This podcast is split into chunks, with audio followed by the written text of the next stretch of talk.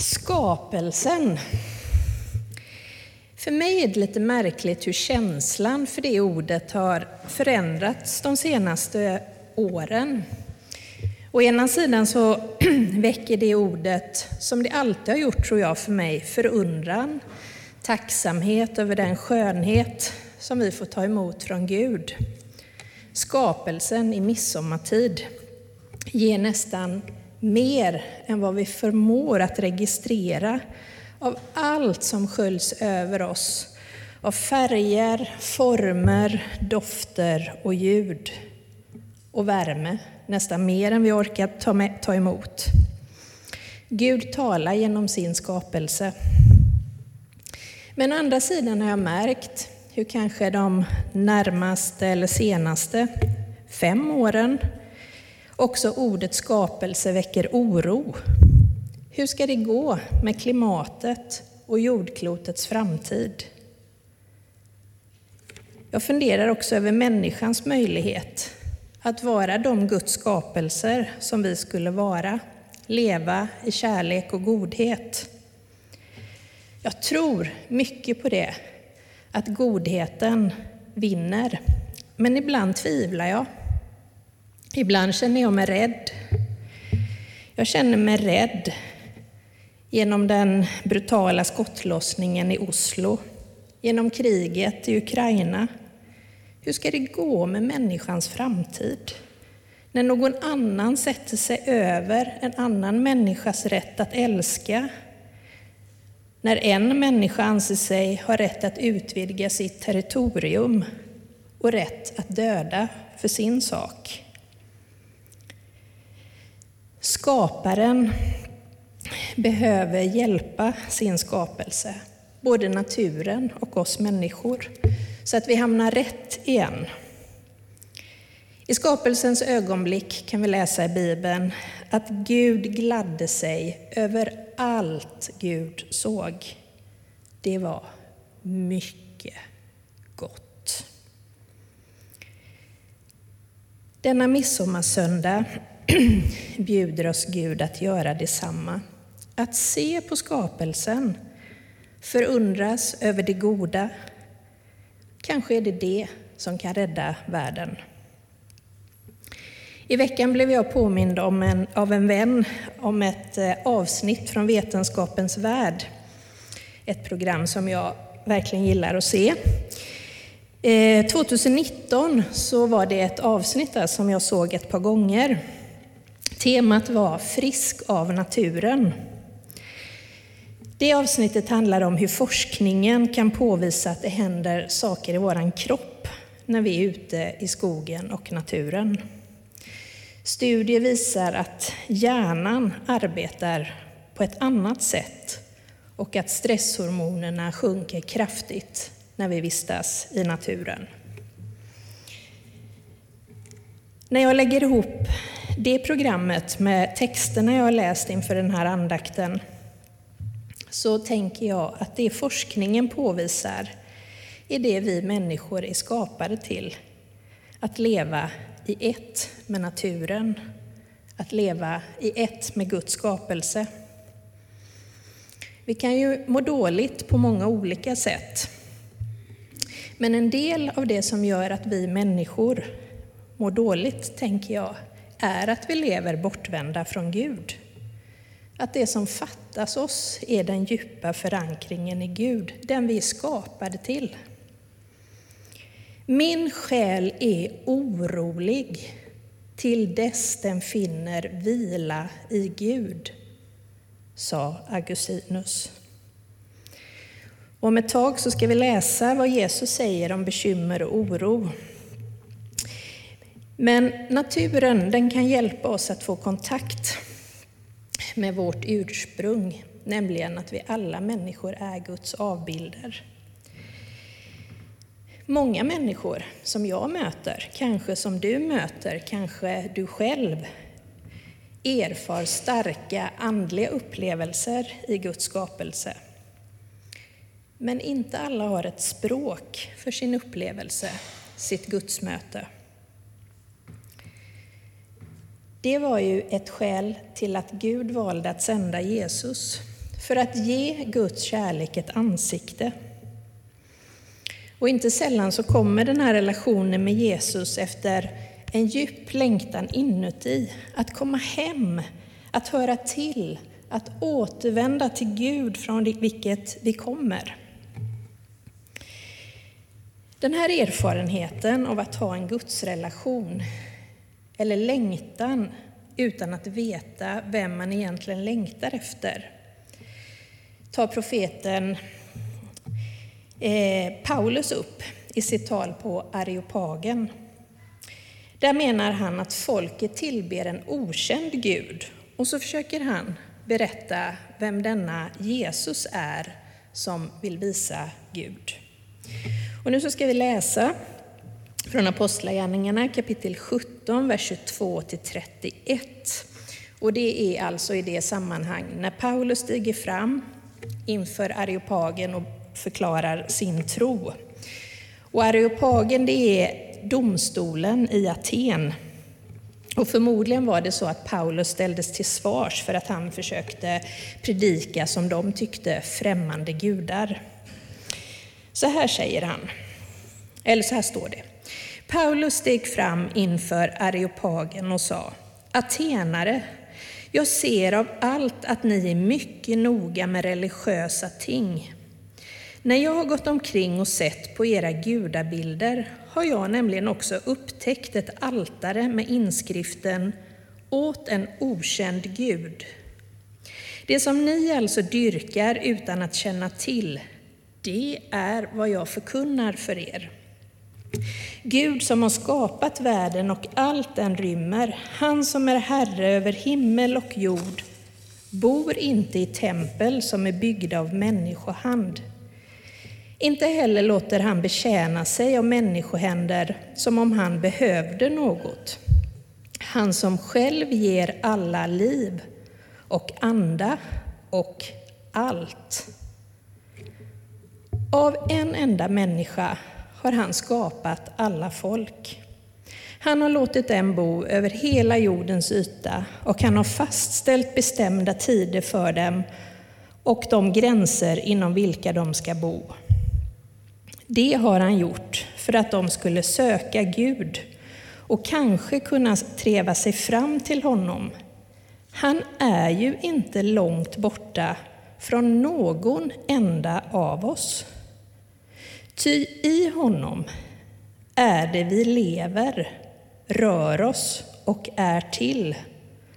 Som också några av era egna skalder har sagt. Vi har vårt ursprung i honom. När vi nu har vårt ursprung i Gud, då får vi inte föreställa oss det gudomliga som något av guld eller silver eller sten, som något en människa har format efter sina idéer och med sin konstfärdighet. En lång tid har Gud haft överseende med okunnigheten, men nu ålägger han människorna alla och överallt att omvända sig. Ty han har fastställt en dag då han ska döma världen med rättfärdighet genom en man som han i förväg har bestämt därtill. Det har han bekräftat för alla människor genom att låta honom uppstå från de döda. Paulus visar på ett altare som atenarna hade satt upp åt en okänd gud. Med hjälp av det altaret presenterar Paulus den Gud som har skapat världen och allt den rymmer, han som är Herre över himmel och jord. Han är inte långt borta från någon enda av oss, ty i honom lever vi, rör vi oss och är till. För många människor är Gud en okänd skapare, långt borta. Men Paulus berättar om en älskande och närvarande skapare. Han berättar att denna skapare har gjort sig känd och uppenbarad den korsfäste och uppståndne Jesus Hela skapelsen är given som en gåva till oss av skapelsens Herre, som håller allt i sin hand och som själv har räddat oss från död och Guds frånvaro. Det var ju det Jesus visade. Gud är inte långt borta från någon av oss. Och ändå är vi många som gång på gång kravlar oss in i ekorrhjulet där vi driver oss själva att försöka skapa vår egen trygghet, vår egen välfärd, ja, vår egen värld. Där vi gör allt för att bli våra egna livs skapare. Det kan få negativa konsekvenser både för oss själva och för skapelsen i stort. Då tänker jag att sommaren bjuder oss att istället för att anstränga oss att skapa och ha kontroll över allt i vårt liv, istället träna på att vara mottagare som människor. Att ta emot allt gott från Gud. Solen, vindens omfamning, fjärilens skönhet, varm klippa mot hud, svalkande hav mot kropp, blommor i regnbågens alla färger, nyanser av grönt och blått. Vi får ta emot av den Gud i vilken vi lever, rör oss och är till. Gud är inte långt borta. Den sista bibeltexten som vi ska läsa tillsammans, det är Jesus som inbjuder oss att leva nära Gud. Jesus som vill inspirera oss genom skaparens förhållningssätt. Vi ska läsa från Matteusevangeliet kapitel 6, vers 25 till 34. Första delen av texten hittar ni på sidan 1724. Därför säger jag er, Bekymra er inte för mat och dryck att leva av eller för kläder att sätta på kroppen. Är inte livet mer än födan och kroppen mer än kläderna? Se på himlens fåglar. De sår inte, skördar inte och samlar inte i lador. Men er himmelske fader föder dem är inte ni värda mycket mer än dem? Vem av er kan med sina bekymmer lägga en enda aln till sin livslängd? Och varför bekymrar ni er för kläder? Se på ängens liljor hur de växer. De arbetar inte och spinner inte, men jag säger er, inte ens Salomo i all sin prakt var klädd som en av dem. Om nu Gud ger sådana kläder åt gräset på ängen, som idag finns till och imorgon stoppas i ugnen, ska han då inte ha kläder åt er, ni trossvaga? Gör er därför inga bekymmer, fråga inte vad ska vi äta, vad ska vi dricka, vad ska vi ta på oss, allt sådant jagar hedningarna efter. Men er himmelske fader vet att ni behöver allt detta. Sök först hans rike och hans rättfärdighet, så skall ni få allt det andra också. Gör er därför inga bekymmer för morgondagen. Den får själv bära sina bekymmer. Var dag har nog av sin egen plåga. Gör er inga bekymmer. Jesus säger det ganska ofta Kanske för att vi behöver påminna oss om det. Bekymmerslöshet. Kanske för att livet är just så ofta fyllt av bekymmer på ett eller annat sätt. Privata bekymmer, klimat, våld, främlingsfientlighet, polarisering i samhället, sjukdom, ohälsa, konflikter. Ja, listan den är oändlig med allt man kan oroa sig för. Livet är fyllt av bekymmer. Och när man äntligen lyckas lösa ett vardagsbekymmer, då är det som ett nytt väntar runt hörnet. Jag tänker att Jesus är väldigt träffsäker. Han känner verkligen människans villkor och att det är därför han säger Gör er inga bekymmer, var dag får bära nog av sin egen plåga. Men att leva, det innebär ju bekymmer. Bekymmer är ju kärlekens pris, passionens, empatins pris. Ett bevis på att vi bryr oss om varandra, att vi kan känna medlidande med en annan människa. Jag tänker att det Jesus vill göra oss uppmärksamma på, det är den olustiga tendensen när bekymren liksom tar över hela livet och ger en skugga över allt, så att vi inte längre förmår att förundras, känna någon livsglädje eller tacksamhet eller närvaro i nuet. Vad kan jag lära mig av Jesus? Vad vill Jesus säga mig, säga dig genom sina ord? Finns det stunder när du kan känna dig fri från bekymmer? Finns det ögonblick? Finns det vissa platser, vissa sammanhang där du för en liten sekund kan känna dig bekymmersfri? Kanske kan vi under sommaren ge oss själva en utmaning att i så fall aktivt söka oss dit.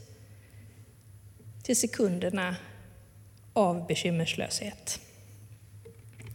En liten text från eh, boken Förundran som Stefan Edman har skrivit vill jag läsa. Det är fyra meningar. En liten text som vi, om vi vill, kan ta med oss inför sommarens ledighet. Almanackan och mobiltelefonen, glöm dem. Göm dem. Klä av dig rollerna. Sjunk ner i hängmattan. Eller på ängen med näsan i klövens honungssöta blommor. Ge benen och hjärnan semester. Ge själen tid att hinna ifatt kroppen. Lyssna inåt. Vad vill du säga dig själv? Lyssna till Guds hjärtslag i skapelsen. Öva dig i bekymmerslöshet. Bekymren kommer tids nog. Öva tillit till honom som upprätthåller världen.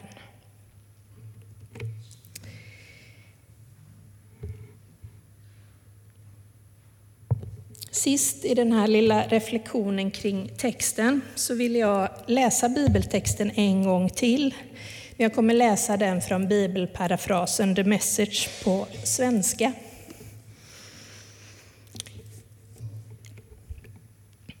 Om ni väljer att tillbe och leva för Gud ska ni inte heller göra så stor affär av vad som står på middagsbordet eller vilka kläder som är inne eller ute. Ni har bättre saker att tänka på i livet än vad ni stoppar i magen. Ni har viktigare saker att göra i livet än att välja kläder. Titta på fåglarna. De är fria, utan arbetsscheman, trygga i Guds vård. Och ni betyder mycket mer för honom än fåglarna.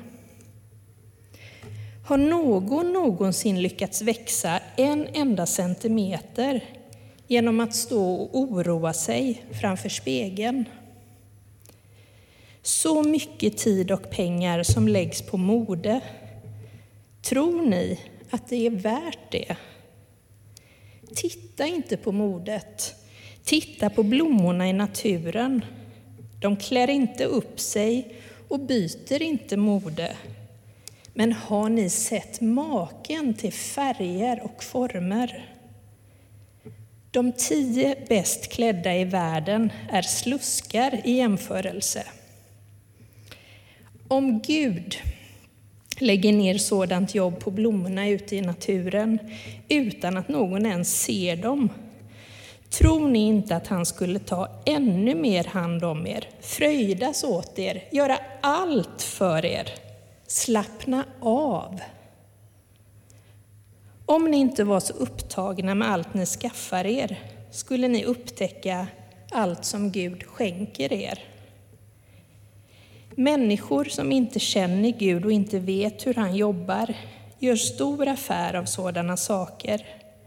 Men ni både känner Gud och vet hur han gör saker.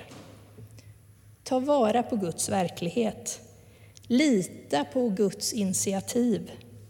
Ta emot Guds omsorger.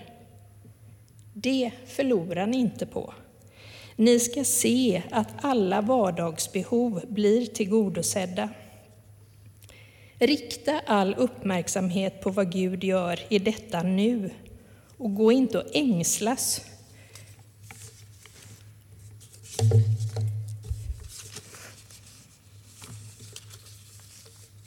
över vad som kommer eller inte kommer att hända imorgon. Gud hjälper er att ta itu med de problem som dyker upp när de väl dyker upp. Amen.